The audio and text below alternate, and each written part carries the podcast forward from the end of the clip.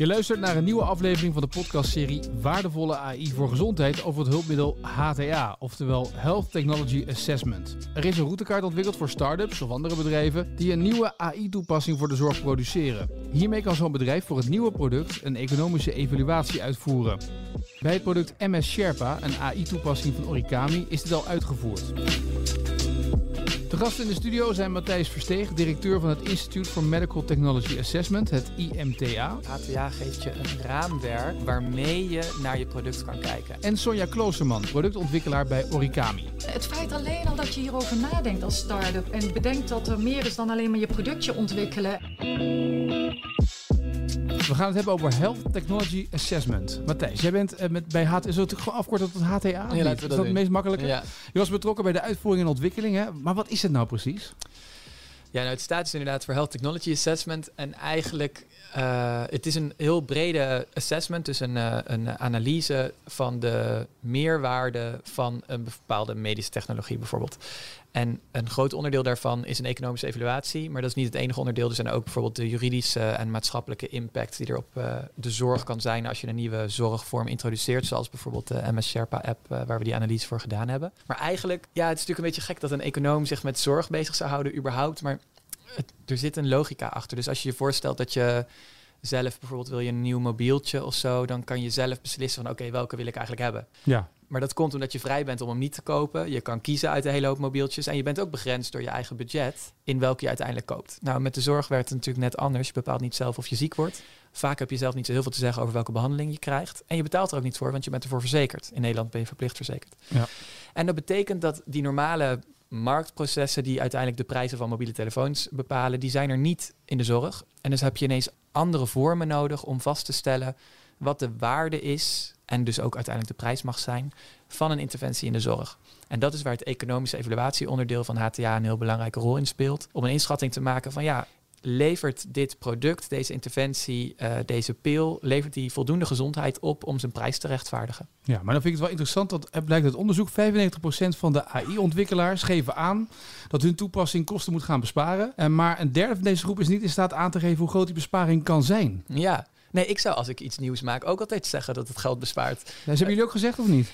Nou, niet alleen gezegd, Nee, daar gedaan. hebben we ook Ja, geprobeerd ja, eh, precies, ja. iets voor te onderbouwen. En eh, nou ja, dat is een van de dingen, helpt daar een HTA ook bij. Ja. Maar eh, ja, want we proberen dat natuurlijk wel gefundeerd te doen. eh. Ja, precies. Maar je zou het zeggen, zeg je net Matthijs, maar... Ja, nou ja, het is natuurlijk. ehm, in principe, als je iets nieuws ontwikkelt, dan geloof je daar zelf in. En dat is ook niet eens dat je het valse beloftes doet naar de buitenwereld of zo. Maar je, ja, je steekt je ziel en zaligheid in een of ander nieuw bedrijf wat je aan het oprichten bent. En daar wil je mee laten zien van ja, wij gaan iets heel goeds doen. Alleen dat wil niet zeggen dat een A, het al bewezen is dat dat zo is. En B, dat een onafhankelijke analyse ook daadwerkelijk zou aantonen dat je meerwaarde oplevert voor de zorg. Het kan wel. Ja. En als dat de uitkomst is, ja, dan is dat natuurlijk ideaal. Want dan heb je ineens een bewijs voor die claim die je toch al aan het maken was. ja, En het is wel gunstig om daar een bewijs voor te hebben. dat begrijp ik. En waar helpt het nog meer bij? Wat is er nog meer een voordeel om zo'n HTA te doen? In principe, ik merk dat als wij dat met bedrijven doen, dat het heel erg helpt in aanscherpen en focussen van wat kunnen we nou echt zeggen op basis van de data die we hebben. Hoe vertaalt zich dat naar daadwerkelijke impact in termen van gezondheidswinst bij patiënten? Welke sector, waar vallen de, de besparingen? Want het kan natuurlijk heel vaak zo zijn dat je iets wil verkopen aan bijvoorbeeld een ziekenhuis, die moet dat kopen. En de besparingen die het opleveren, die zijn buiten het ziekenhuis. Ja. Dat kan je dan identificeren. En dat helpt je in aantonen van ja jongens, jullie moeten nu betalen. Maar ga maar in vredesnaam met je zorgverzekeraar of met iets anders praten. Ja. Want er zijn hele goede redenen om dit te doen. Maar ja, dat is Ja. mijn perspectief. Nou, dat is het ene perspectief, ja, Sonja. Maar hoe heeft het jullie geholpen? Ja, het heeft ons geholpen dat wij eh, als eh, bedrijf eh, digitale eh, eh, tools ontwikkelen om de gezondheidszorg te ondersteunen, waaronder MS Sherpa. En wij doen dat volgens bepaalde richtlijnen en, en eh, kwaliteitsstappen. Daarmee heb je technisch een goed product, maar je wil dat ook in het speelveld toetsen. Brengt het de patiënt iets, brengt het de arts iets en eh, levert meerwaarde eh, op voor die patiënten en de arts. Dat doen wij via klinische validaties Ja. in het veld. En je wil daarbij kijken welke waarde levert het op, maar welke kosten bespaart het ook. Alleen dat soort data ophalen, dat kost best wel veel tijd voordat je dat boven water hebt. En dan helpt zo'n HTA-model om dat al eh, op basis van de aannames die je hebt en de werklijn langs wat je dat wil doen om dat al door te modelleren. Om in ieder geval te kunnen inschatten of de potentie van je product uh, dat ook gaat opleveren. Uh, en dan helpt het goed om dat door van tevoren al door te rekenen en te modelleren. Om al een eerste inzicht te krijgen, gaat het inderdaad waarde opleveren en kosten besparen en waar dan. En heeft dat, ook bij jullie dan iets veranderd in, in wat jullie Ja, want dat scherpt je ook aan bij welke stakeholders moet ik zijn, daar waar het de kosten bespaart. Maar ook, oké, als we dat of dat willen aantonen, dan moet ons onderzoek uh, om, die, om die echte evidence op te halen er ook zo en zo uitzien. En dan moet ik die en die parameters meenemen.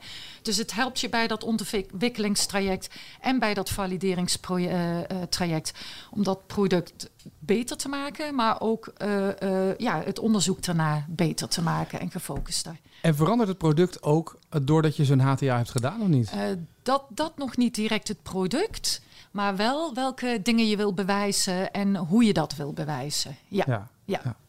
ja. Um, ik kan me voorstellen dat dat best wel wat tijdrovend proces is, of niet? Je moet even de tijd voor nemen. Het uitvoeren van zo'n HTA? Ja. Ja, dat is een tijdrovend proces, maar dat, je kan natuurlijk alles in gradaties van complexiteit doen. Maar dus is dit ook de reden waarom mensen er nog niet zo heel snel aan denken om zoiets om, om te bedenken wat de waarde kan zijn van, van hun AI-oplossing, omdat het zo'n tijdrovend proces is dat ze door willen met ontwikkelen? Ja, daar spelen denk ik verschillende dingen. Dus bijvoorbeeld als je een uh, start-up bent en je hebt een beperkt budget, dan moet je super goed nadenken over waar je geld aan uitgeeft. En dan zijn er altijd dingen die heel hoog staan te dringen op een prioriteitenlijstje. En dan kan ik me ook wel voorstellen dat een HTA niet het eerste is waar je aan denkt, omdat je moet je heel goed bedenken of iedere euro die je uitgeeft op korte termijn uh, gaat uh, renderen. Ja. En een HTA is echt een strategische zet die je, die je doet met je bedrijf om te zeggen: oké, wij willen gaan kijken of de aannames die wij hebben over de werkzaamheid van ons product, of die ook daadwerkelijk uh, gerealiseerd worden en leiden tot gezondheidswinst als je die doorvoert in een model. Maar duurt het lang om te maken? Ja. Is het ook kostbaar? Ja, en wat ik zeg, ja, het kan in verschillende gradaties. Dus je kan het makkelijker en moeilijker doen. En in dit geval hadden we een soort gelukje in het werk wat we met Sonja deden. Namelijk dat uh, ik had al samen met een collega een jaar lang gewerkt aan een uh, ziektemodel voor multiple sclerose. En daar moesten we alsnog heel veel in omprogrammeren om dan specifiek dit erin te krijgen. Maar ja, dat jaar hoefden we niet meer in te lopen. Nee. Uh, dus dat scheelde ja, even. En voor ons was het, het, het, het geluk dat wij hadden zelf al over dit soort HTA-methodiek nagedacht. Omdat wij ook wel voelden van je wilt toch je waarde van je product aantonen. En dat je product niet alleen technisch goed werkt en dingen kan opsporen bij MS-patiënten. Maar dat Ja. het ook uh, echt werkt in het, uh, in het klinische veld. Dus wij hadden zelf ook al wat nagedacht over modellen, et cetera. In een wat andere gradatie dan het INTA dat doet. Ja. Maar we hadden daar al wel over nagedacht. En ook welke claim, welk bewijs wil je uh, aantonen. En daar ook al nagedacht over allerlei aannames en ingrediënten in dat model. Uh, alleen zo'n model maken kost heel veel tijd. En dat hadden jullie weer gedaan. Dus daar kwamen Ja. twee dingen denk ik mooi samen. Ja, en ik denk ook dat wat voor ons heel fijn was in de samenwerking met jullie, is dat het is toch best wel een technische club die jullie hebben. Ja. Ja. En dat maakt dat eigenlijk de overbrugging, want naar ons werk is ook redelijk technisch. En dat gaat veel over het nadenken over wat is bewijs. Uh, in hoeverre is de data die er ligt ook echt onderschrijvend voor het bewijs. En dat gesprek gaat heel snel uh, tussen dat soort groepen. En dat zie je met meer AI-startups. Daar zitten allemaal best wel technische mensen. Uh, en die weten gewoon heel snel de brug te slaan weer naar het type werk dat wij doen. Dus Ja. ik, ik vind dat het gesprek eigenlijk heel makkelijk ging. Maar het scheelde wel enorm dat jullie al hadden nagedacht over wat een HTA überhaupt was.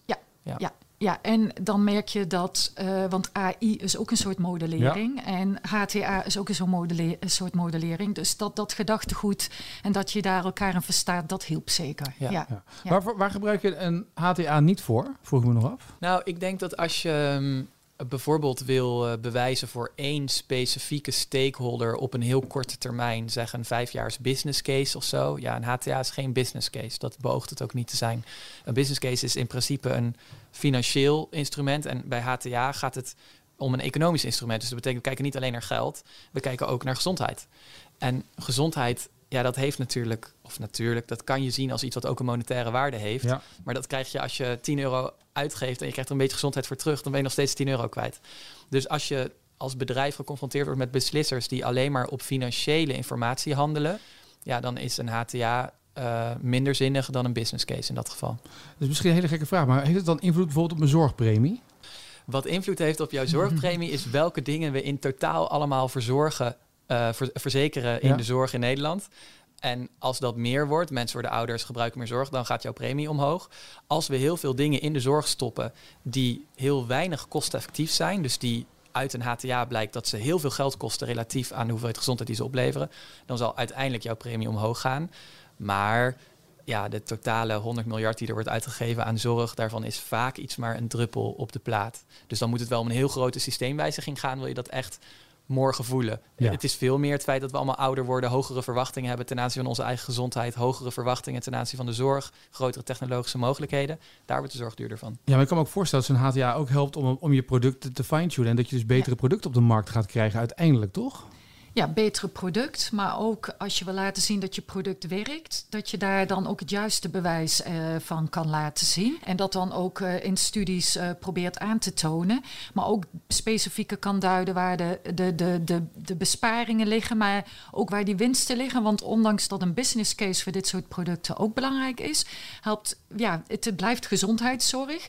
Dus mensen willen ook graag vaak wel weten en stakeholders willen ook graag weten, oké, maar wat levert het dan op en wat wint die patiënt daarbij, omdat hij toch minder over de kosten gaat. En wil je toch ook laten zien wat uh, het gezondheidszorg of de patiënt oplevert. Dus het is daarbij in een HTA toch de afweging tussen wat brengt het gezondheidszorgwijs ja. en eventueel kostenwijs. Terwijl de business cake vaak inderdaad met name over kosten gaan. En doordat je ook die gezondheidswinsten die vaak wat beter te duiden zijn dan alleen maar kostenbesparingen uh, met nieuwe producten. Ja, kan je dat aspect juist ook met een HTA beter highlighten dan alleen in een business case. Uh, ja, want de winsten liggen soms ook juist op dat gezondheidsvlak. Nou ja, dat bleek eigenlijk wel. Dus, ja. dus misschien wel interessant, want bij de casus die we met jullie deden, hebben we verschillende perspectieven geanalyseerd. Dus we beginnen met een, een aanname over uh, hoe goed zou het werken. En in dit geval ging het dan over de vraag of mensen op basis van MS Sherpa eerder zouden switchen naar effectievere behandelingen.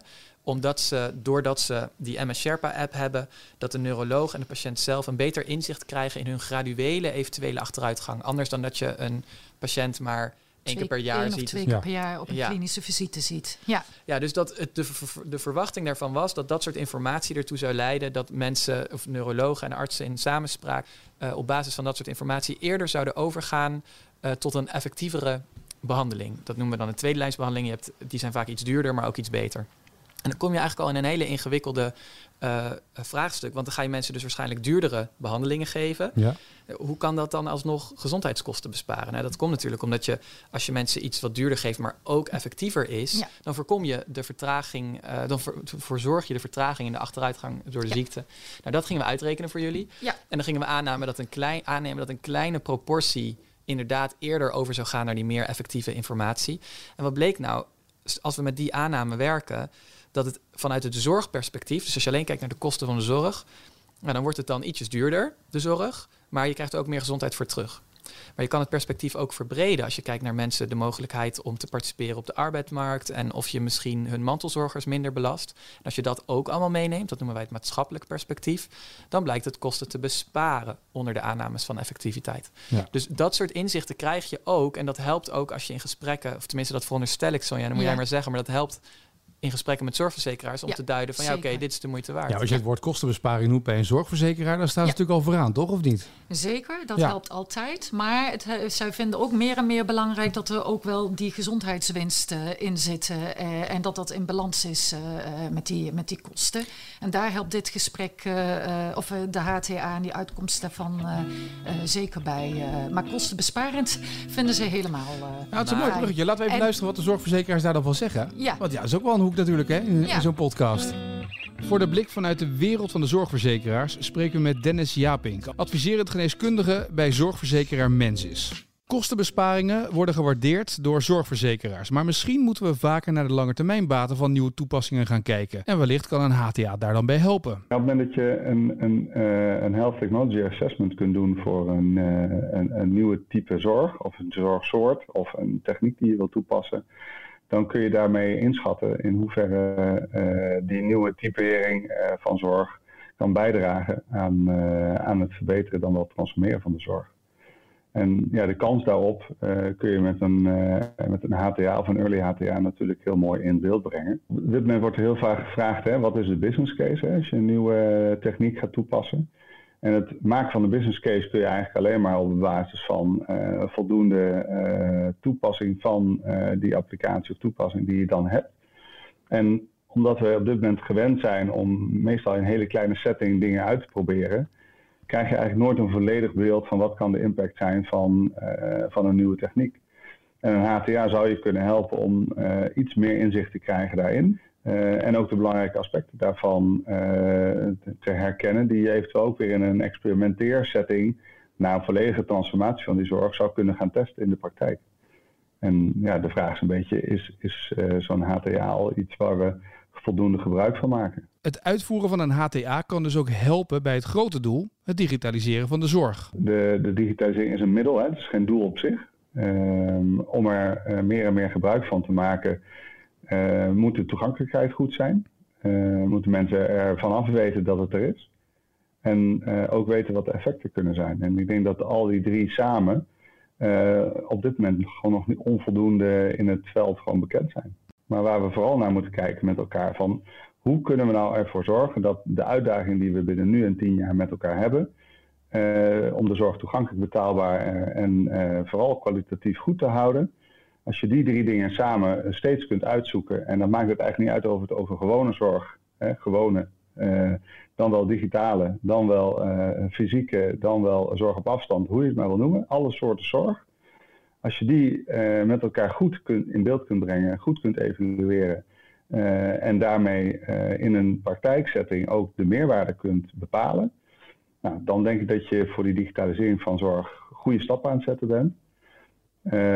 en kijk, een HTA kan daarin helpen om die inzichten te verkrijgen. Wat moeten we nog uitzoeken? Wat is er al bekend aan evidence? En, en, en hoe ga je die lacunes binnen de evidence dan opzoeken binnen die, volledig getransformeerde zorg, waarbij je die uh, in een experimentsetting dus gaat evalueren met elkaar. Zodat als iemand bij je aankomt met een nieuw type uh, product, dat je ook kunt inschatten, ja, heb ik het hele beeld wel? Is het al compleet?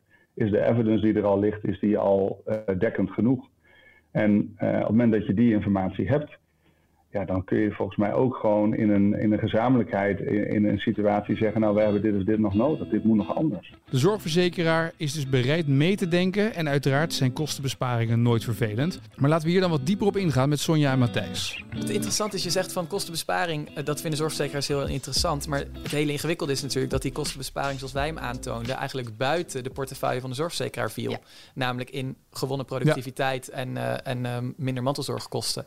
Dus daar zie je dat heel ingewikkeld. Dat is altijd ingewikkeld in de zorg. Dat de plekken waar je de kosten maakt, de mensen die dat dingetje moeten kopen, dat zijn niet per se degene die de besparingen daarvan ook krijgen. Ja. Nee, helder. Maar ik kan me voorstellen dat financiering natuurlijk voor elke innovatie een Precies, soort van basisbehoefte is. Nog een, een, ja. ja. en ook de, de kosten, uh, kosten die je erin steekt uh, hef, uh, voor een tool die wij ontwikkelen en wat da daar van prijskaartje aanhangt. Maar vergeleken met een heleboel andere interventies waar het prijskaartje nog hoger is, je moet het soms ook benchmarken met andere nieuwe interventies. En dan kom je met dit soort modellen, kan je die benchmark ook doen en kan je ook laten zien, nou met een kleine investering kan je bij ons behoorlijk wat kosten, uh, nou ja, niet kosten besparen is niet het goede woord, hoop gezondheidswinst uh, uh, ophalen.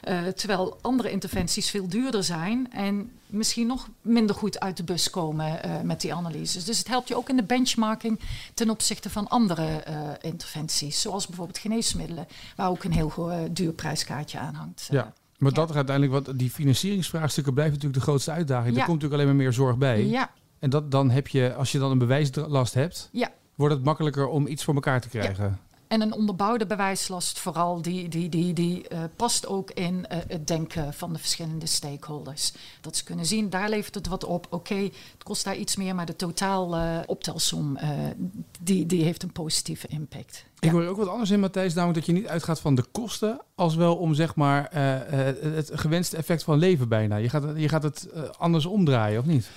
Ja, dus wat we doen is dat we proberen een voorspelling te maken van de lengte en kwaliteit van leven die patiënten zullen hebben, voorspeld dan, uh, wanneer ze in het scenario met en het scenario zonder deze app dan zitten. En we hadden dus een ziektemodel waarin we al aan het geprogrammeerd hadden hoe uh, het uh, geneesmiddelengebruik verloop zou gaan, hoe het, het langdurige zorgverbruik zou gaan, et cetera. En we zetten dat dan af, al die kosten die er gemaakt worden, we zetten dat dan af tegen de uh, hoeveel minder relapses hebben mensen, hoeveel trager gaat hun progressie. En dat vangen we in iets wat we noemen het Quality Adjusted Life Year, het voor kwaliteit gecorrigeerd levensjaar dat is eigenlijk de eenheid waarmee we uiteindelijk alles uitdrukken. De kosten per voor kwaliteit gecorrigeerd levensjaar. En dat, is, dat maakt het heel interessant, omdat je krijgt ineens een heel ander gesprek. Want je, je, je, trekt het gesprek ook een beetje weg van kosten en je gaat het hebben over baten. Namelijk, hoeveel gezondheid krijg je eigenlijk wel niet terug? Ja, maar dan vraag ik me wel af, als ik dan hoor aan de ene kant die zorgverzekeraar zegt, ja, ik wil kosten besparen, maar dit kost eigenlijk meer geld. Waar komt dan het andere? Uh, waar komt het dan vandaan? Waar, ga je dat, dat kwaliteit van leven dan vandaan halen voor het vervolg? Nou, hoe het gefinancierd moet worden, ja. bedoel je? Nou ja, dit, je, je raakt nu aan, denk ik, eh, de essentie van het dilemma. Uh, ik neem aan ook dat bij het ophalen van geld dit soort dingen altijd een groot vraagstuk zijn.